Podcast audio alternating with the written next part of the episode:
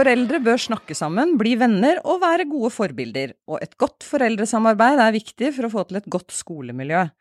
Ja, dette mener altså elevene selv, ifølge en rapport fra Redd Barna som handler om trivsel og mobbing.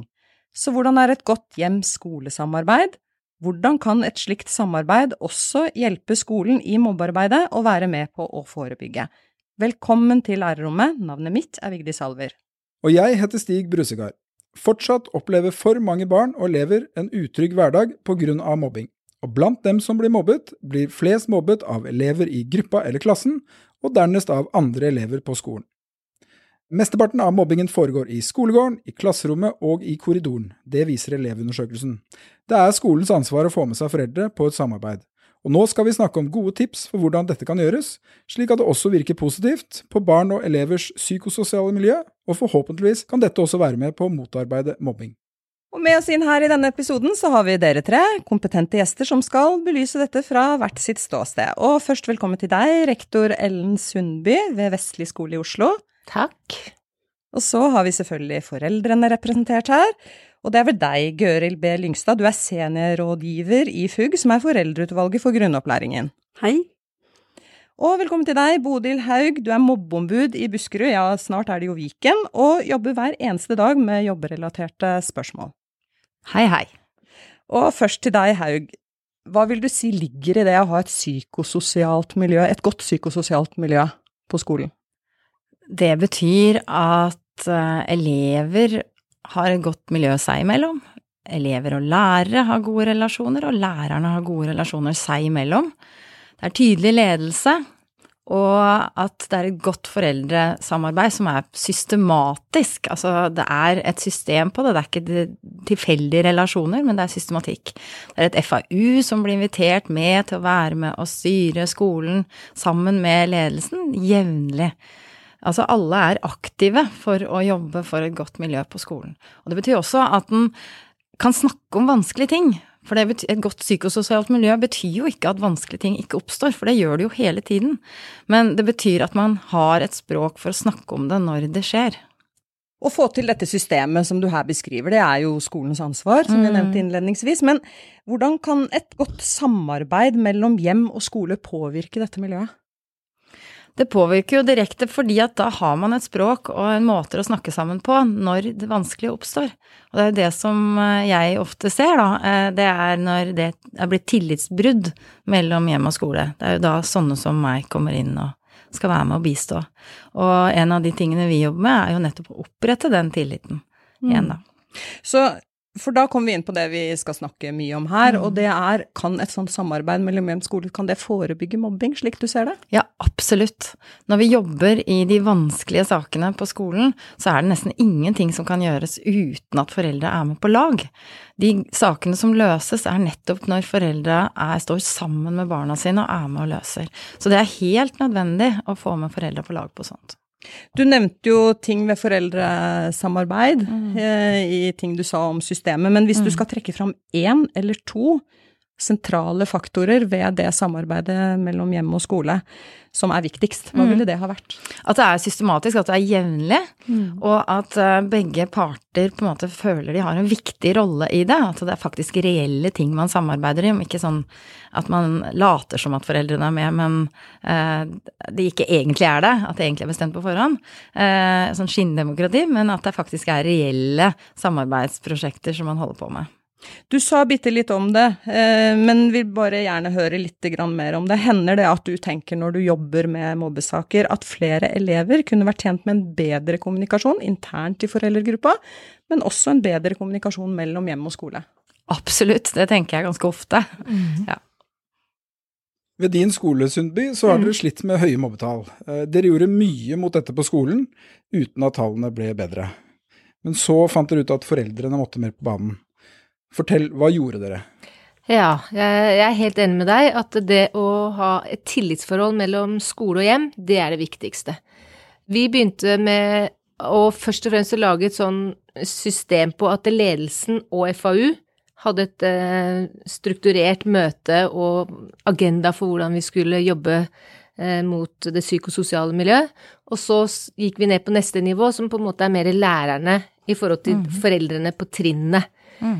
Det vi så, var at eh, noen ganger når foreldre kom og sa liksom at det, det var at barnet hadde blitt plaga eller ja, mobba, vi bruker nok krenkende atferd eller krenkende uttalelser, så ble det ofte bare at vi snakka med eleven, og så trodde vi det gikk over. Det går ikke over. Det bare gjentar seg. Og så tok vi elevundersøkelsen første året, hadde vi 17, et eller annet prosent mobbetall. Vi var blant de fem høyeste, eller med mest mobbing på, i Oslo. Og vi hadde elevrådet, vi hadde lærere, vi analyserte undersøkelsen, satte inn tiltak eh, og sånne ting, og gleda oss til neste år, for nå skulle det bli bra. Og det ble ikke så mye bedre. 16,8. Og måtte da legge hodene i vann igjen. Hva gjør vi? Og da fikk vi en mobbeombud i Oslo, og fant ut at det er én part vi har glemt, og det er foreldrene. Og så det året så satte vi inn støtet veldig. Alt fra at vi i ledelsen, i sammen med FAU, var ute hver morgen, for en del av mobbinga hos oss skjedde på skoleveien før de kom på skolen. Så vi var ute, hele ledelsen og FAU, fra åtte til halv ni hver morgen. Og det gjorde at også elevene så det var tryggere å komme på skolen, og at det var flere voksne ute, og ikke minst at det var foreldre som var ute. Og så begynte vi med mammatreff en gang i måneden. Eh, Vi har begynt med pappatreff, det er litt vanskeligere, men det går. og på disse mammatreffene så tok vi opp disse emnene. Hva er det som skjer, og hvordan kan vi få bukt på det? Vi, ja. Og så har da mobbeombudet også hatt foreldremøte med agendaen hva kan vi voksne gjøre for at elevens psykososiale miljø skal bli bedre? For barn er som svamper. Og det vi i ledelsen var veldig bevisst på, vi hadde egne foreldremøter til oppstart, der vi tok opp kun det. Og da snakka vi lett, rett fra levra og sa hvem ønsker at vi skal sitte og snakke stygt om ditt barn over eh, kjøkkenbordet? Hva sier du om det andres barn? Ja, det gikk mye på muntlighet. Hvordan er skolens samarbeid eh, med foreldrene nå? Det er veldig bra. Terskelen er veldig, veldig lav før foreldrene kommer til oss. Eh, Det noen foreldre klagde litt på, eller ikke klagde, var misfornøyd med, det var at de tok opp ting, men det skjedde ikke noe. Og det vi sa da, var at de måtte sende mail til ledelsen, for det er gjerne barn kommer med sånne ting på kvelden. Send mail på kvelden til oss, og vi svarer deg på morgenen, for vi er først på skolen. Og så fikk de gjerne svar innen lunsj. At dette skal vi fikse, vi skal, eller ikke fikse, men vi skal kartlegge hva er det som egentlig skjer, og hvem er det som snakker vondt om andre. Og så alle ble tatt på alvor. I begynnelsen så fikk vi veldig mange henvendelser, men det har gått seg ned, heldigvis. Så nå er vi veldig spent på undersøkelsen i år. Jeg ser at du har sittet og nikket, Haug. Ja. altså det du sier er noe veldig, veldig viktig, fordi at eh, det du gjør er jo å anerkjenne at det fins. Jeg husker jeg skrev eh, oppgave på universitetet en gang som heter 'Her mobber vi ikke', for det har rektor sagt. Eh, Fordi at jeg Litt ironisk ment, da. Fordi jeg ser at veldig mange sier at eh, det er ikke mobbing her, men Og det er sånn jeg introduseres ofte. Vi har fått mobbeombudet til å komme og sånn. Og så ser jeg at foreldrene sitter og rister på huet bak i salen, og det er flaut. Fordi at vi må jo anerkjenne at dette skjer med oss, og det er liksom det første. Så nettopp det du gjorde da, å snakke om de vanskelige tingene, det er så utrolig viktig. Eh, og det er da du kan begynne å løse opp i det. Når du anerkjenner at dette er der, og dette fins, og dette skal vi stå sammen om. Vi bretter opp armene. Se, her er jeg. Du gjør deg tilgjengelig som leder også, ikke sant. Så ledelsen er jo veldig, veldig viktig faktor i det her. Ja, eh, det vi så at vi tok med elevstemmen inn sammen med foreldrene, det var veldig viktig. For det, vi fikk også elevråds, eh, elevrådet til å komme på disse møtene, der de forteller om akkurat det som er. At det, dere må slutte å si, ikke sant, eh, hvis en kommer hjem og sier noe, så ta igjen, bare ta igjen. Altså, vi må få bort det der. Vi må lære dem til at ja, du kan møte noen hinder på din vei, du kan ikke på en måte krenke den andre for det. Du må på en måte lære både foreldre og elever hvordan du skal snakke når ting skjer, da. At du løser det på en voksen måte. Så aktive og interesserte foreldre er en forutsetning for å jobbe mot mobbing. Jeg mener helt klart ja. Det dere har iverksatt på Vestlig skole er jo fortsatt ganske nytt, så dere har kanskje ikke sett resultatene av det ennå, som du var inne på. Men merker du allerede nå en endring? Ja. På hvilken måte? Dessverre så hadde vi en del voldshandlinger som da ofte er når det blir heftige mobbesaker, holdt jeg på å si, og vi ser at det har blitt veldig, veldig mye redusert. Og det kommer at vi har gjort sånn nå at når det er en, mellom to eller tre barn, så tar vi med både barn og foreldre rundt et drøftningsbord, som vi kaller det. Og da sitter foreldrene bak og barna foran. Sånn at foreldrene skal selv være med og høre hva barnet sitt sier om denne situasjonen, og så kan barnet gå ut, og så kommer vi voksne og sier ja, hvordan løser vi dette her? Og jeg må bare fortelle, vi hadde en episode ikke for lenge siden, da det var en jente som følte seg veldig krenka av tre gutter i klassen, da vi tok inn disse med foreldre, og jenta satt, og det synes jeg er tøft gjort, og forteller hva hun opplever og hva hun føler, og de guttene sitter og er egentlig veldig lei seg. Og da til slutt, når vi skulle drøfte med voksne, de sier at nei, men vet du hva, nå skjønner vi, dette må vi ikke gjøre mer. Dette er tredjeklassinger. Lyngstad, FUG dere gir jo eh, råd til, og veiledning til foreldre med barn i skolen, og også i mobbesaker. Hva tenker du kjennetegner et godt eh, skole-hjem-samarbeid? Nå har vi jo hørt hvordan Vestli har begynt å løse det. De som har snakka før meg, Bodil og Ellen, har jo nettopp påpekt denne relasjonen mellom hjem og skole. Foreldrene blir oppfatta som en viktig samarbeidspartner, og at de blir invitert inn. Det er kjempeviktig. Eh, foreldrene vet ikke helt eh, hvilken rolle de har i dette samarbeidet. De vet ikke hvor viktig de er for barna sine. De tenker at skolen er den som har ansvaret for dette skolemiljøet, og, og da er de ferdige. De sender barnet sitt på skolen og er fornøyd med det. Men så er det jo ikke så enkelt. Men om skolen inviterer inn og forteller hvor viktig de er, og hvilken rolle de kan ha i dette samarbeidet, så, så vil de jo få en helt annen forståelse av sin rolle, og vil da ha helt andre forutsetninger for å kunne fylle den rollen. Mm. Og det som eh, de har gjort på Vestlig skole nå, det er jo et kjempeløft for, eh, for hele skolen ved å invitere foreldrene inn. Og det er jo som dere har påpekt innledningsvis, at skolen har plikt til å samarbeide med foreldrene. Og det står også at ganske sterkt at dette ansvaret ligger på skolen og få til et samarbeid som fungerer. Mm. Og så har vi også klassekontakter og Foreldrerådets arbeidsutvalg, FAU. I det forebyggende arbeidet, hvor viktige er de, tenker du? Samarbeidet foregår på minst tre nivå i, i, skolen. Og det er rundt den enkelte elev, og det er jo den enkelte forelderen som, som, er samarbeidspartner med skolen. Men så har vi klassekontakt, eller foreldrekontakt, som ofte brukes, fordi man jobber da sammen om skolemiljøet, klassemiljøet, og den læringa som skjer i klasserommet. Denne foreldrekontakten sin rolle er jo å være bindeleddet mellom foreldrene og samle de innspillene som, som kommer fra fra foreldregruppa og, og, det som angår klassen som helhet, eller flere elever i klassen. Og bringe deg inn til, eh, til kontaktlærer, så kan de sammen lage både gode foreldremøter, gode diskusjoner og, og, og ting som faktisk betyr noe, og er relevant for foreldrene. Mens FAU er jo, og de andre, altså skolemiljøutvalg og, og samarbeidsutvalg, er jo på skolenivå, at man kan engasjere hele lage diskutere gode tiltak eh, som gjelder hele skolen. Og det systematiske arbeidet for et um, Hva de ulike partene på skolen kan gjøre, altså hvilke rutiner man har. Men er det ikke også slik at når vanskelige situasjoner knytta til barns trivsel og vennskap og mobbing oppstår, så kan foreldre oppleve det som både frustrerende og utfordrende å ta det opp på skolen? Hva tenker du at foreldrene sjøl kan gjøre med det? de må tørre å ta eh, kontakt med skolen når det er ting som er vanskelig, og ikke gå og snakke med andre om det. De må framsnakke skolen og være positiv til skolen, og så ta det vanskelige direkte med den det gjelder. Men så er det ikke så lett for foreldrene, og det er mange av de henvendelsene vi får. Det går på vanskelig kommunikasjon med skolen.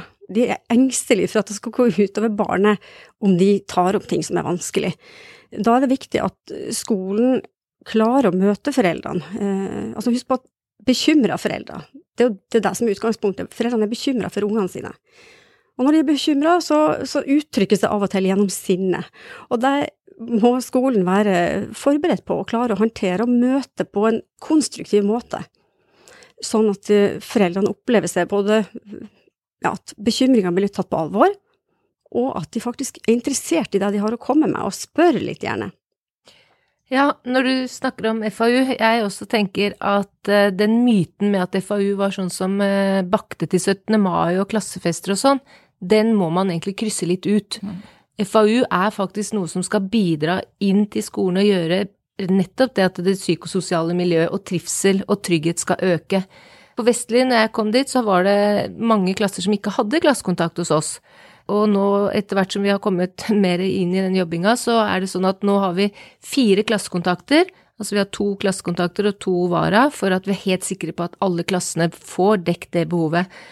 Noe som vi måtte gjøre, var å endre rutinene på foreldremøtene. Altså, de var kjempekjedelige, jeg syns det sjøl. Å stå der og høre om hva de skal gjøre i august, september, oktober, det er ikke det som er viktig. Det er lærerens jobb å gjøre i klasserommet. Så vi snudde om helt på foreldremøtet og lagde mer sånn møtested der foreldre fikk diskutere caser som var da blant det psykososiale miljøet på, på vår skole. Eh, når det gjelder skolemiljøutvalget, så tenker jeg også noe vi måtte gjøre, var du kan ha to til fire møter i året. Vi hadde én gang i måneden. For at vi må få Og det er jo den flettinga med elevstemmen og foreldrestemmen og skolestemmen. Og så må man huske på at foreldrene sender det beste de har til oss. Så tilliten er vår. Jeg er veldig glad for det du sier om foreldremøtene særlig. Eh, det er mange, mange, av oss som har brukt masse tid på foreldremøter og sittet og tatt imot informasjon. Og det, tenker skolen er jo der har de jo ekspertise på pedagogikk, og det å bruke foreldremøtene en, uh, som en arena for diskusjon, hvor foreldrene kan snakke sammen om hvilke regler er det vi har hjemme. Man trenger ikke å bli enige om noen felles regler, men det å, å faktisk få diskutere og høre, ok, hvordan er det naboene gjør det, ja, hvilke innetider er det som gjelder, eller hva er det som er viktig når vi snakker sammen, uh, hvilke dataspill er det som er populært nå, og hvilke aldersgrenser har man på sånn og sånn. Så bare å høre hva de andre syns, og hva de andre eh, gjør, er, er så verdifullt, for da kan man òg regulere seg litt inn og, og, og, finne sin form inni det. Og så får man òg aksept for de andre, at det er forskjellighet. Og det er også forskjellige regler blant foreldregrupper, og det er òg noen ting som foreldre må akseptere. Det er ikke sånn at man skal begynne å begrense hverandre i en sånn setting. Sånn at det at foreldrene er, er litt rause med hverandre også der, er viktig. Sundby, jeg regner med at det er viktig eh, at foreldre har en positiv eh, holdning til skolen. Hvorfor er det så viktig, og hvor, hvordan får du til dette? Det er veldig, veldig viktig at det er en positiv holdning. Og for at foreldrene skal jeg sier litt tørre så, og føle at de blir tatt på alvor når de eh, kommer, det er kanskje det viktigste. Altså, du skal ikke drive sånn, selv, sånn individuell vurdering at nei, dette her er sikkert ikke så viktig. Foreldrene kommer fordi de syns det er viktig for sitt barn. Og da må man vurdere Uansett så må alle bli tatt på alvor. Og det, vi jobber veldig med den der at ja, ja, nå kommer hun igjen. Nei, det er ikke sånn. Da må du være åpen og ta det på alvor, for det er et eller annet denne forelderen ønsker å fortelle deg. Ja, det er jo litt tilbake til det dere begge sier, fordi at eh, når foreldrene kommer til skolen, så må vi huske på at det er et asymmetrisk forhold. Hvor foreldrene ofte er veldig fortvila. Samtidig så ser vi jo at foreldre ofte har mye større klagekompetanse nå, hvis vi kan bruke et sånt uttrykk, enn det de hadde før. De veit hvordan de skal si fra, mm. veldig mange. Og så er det noen som ikke veit, og de er ekstra sårbare, som ikke har det språket inne. og De skal skolen også ivareta, det er viktig å huske. Men den fortvilelsen og den redselen, den har mange uttrykk. Og de sakene som kommer til meg, de har jo gjerne det med seg. Og det er fort gjort å avvise eller komme i forsvar når du blir angrepet på det. Og da kan vi møte det bare på én måte, og det er med profesjonalitet. For vi har den emosjonelle avstanden til jobben vår fordi det er på jobb, og det har ikke foreldre. Må, den må vi anerkjenne. Og så tenker jeg det du sier, det å ha de faste møtene, det å ha det gjengse, eh, det systemene på det, sånn at det ruller og går, det er viktig.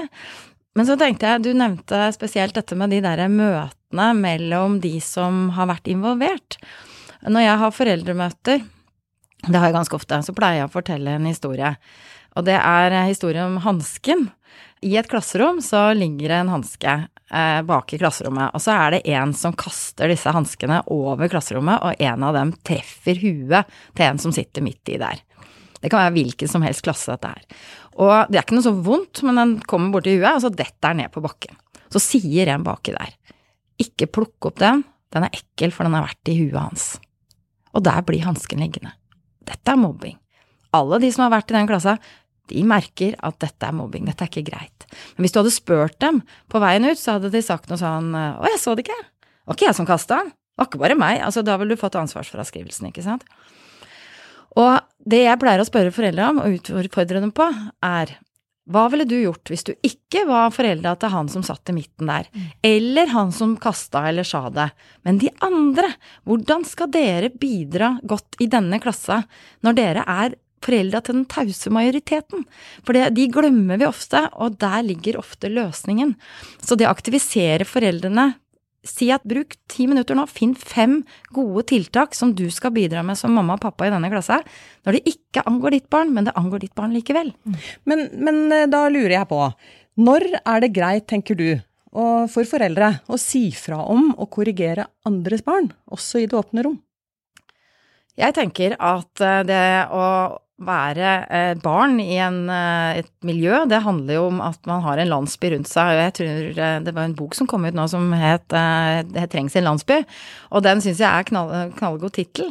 Fordi at vi trenger å kunne korrigere, men det krever mot å korrigere andres barn, og det krever mot å la sitt barn bli korrigert av andre. Men det handler jo om hvilken form man har.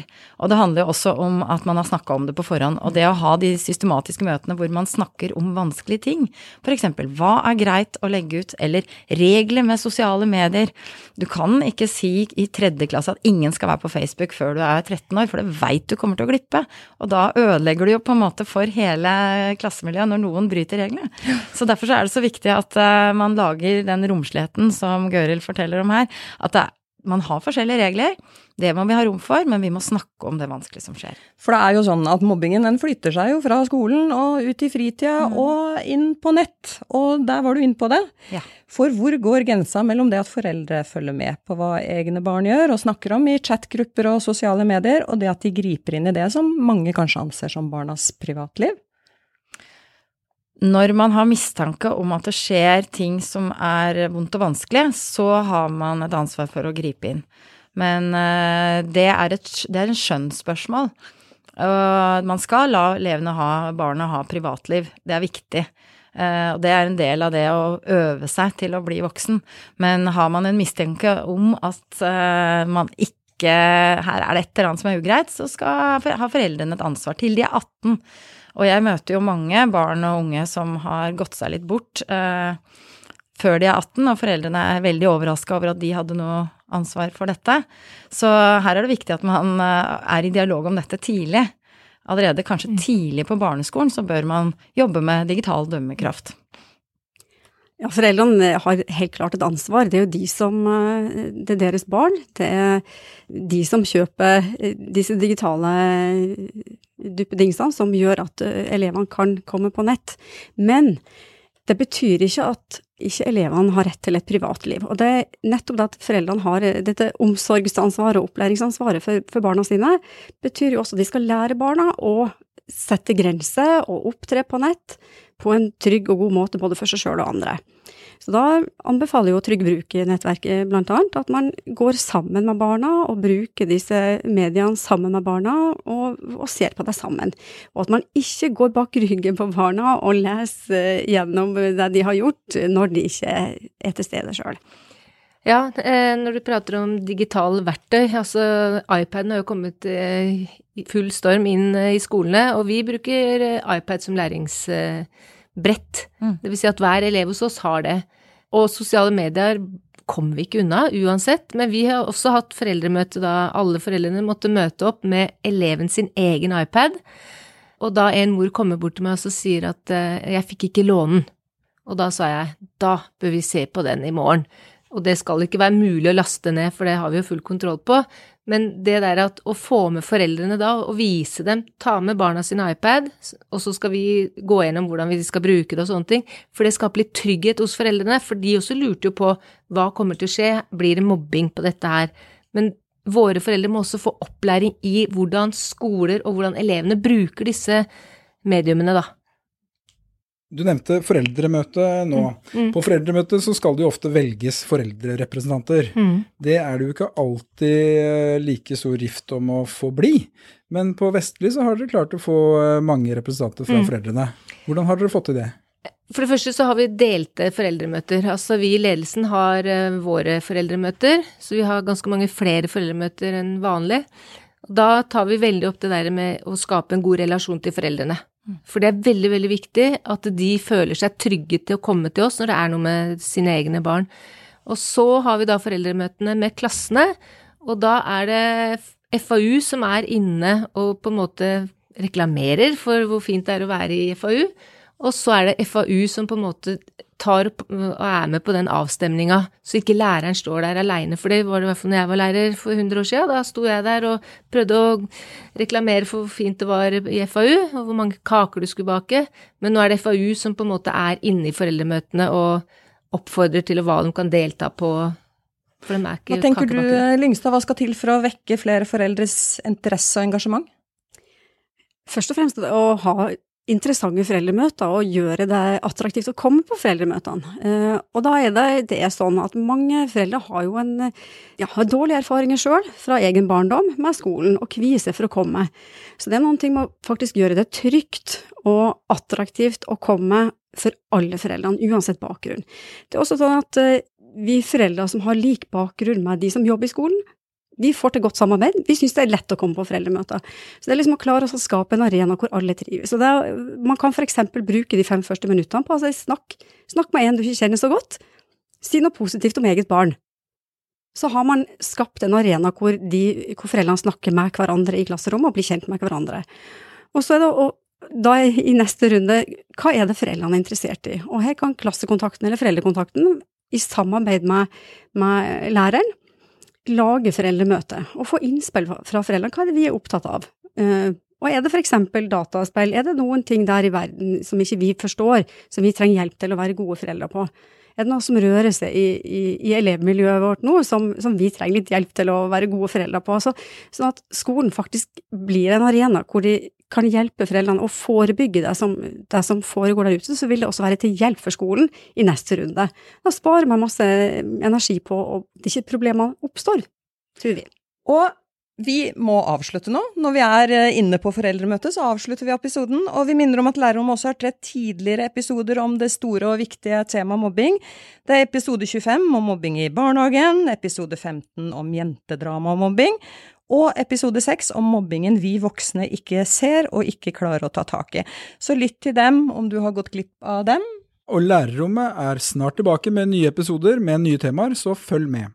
Og tusen takk til gjestene våre her i dag, Ellen Sundby, Bodil Jensen Haug og Gøril B. Lyngstad. Vigdis og jeg sier også takk til deg som hørte på. Det gjør vi så absolutt, Stig. Og abonner gjerne på Lærerrommet, og del oss veldig gjerne videre. Ha det bra!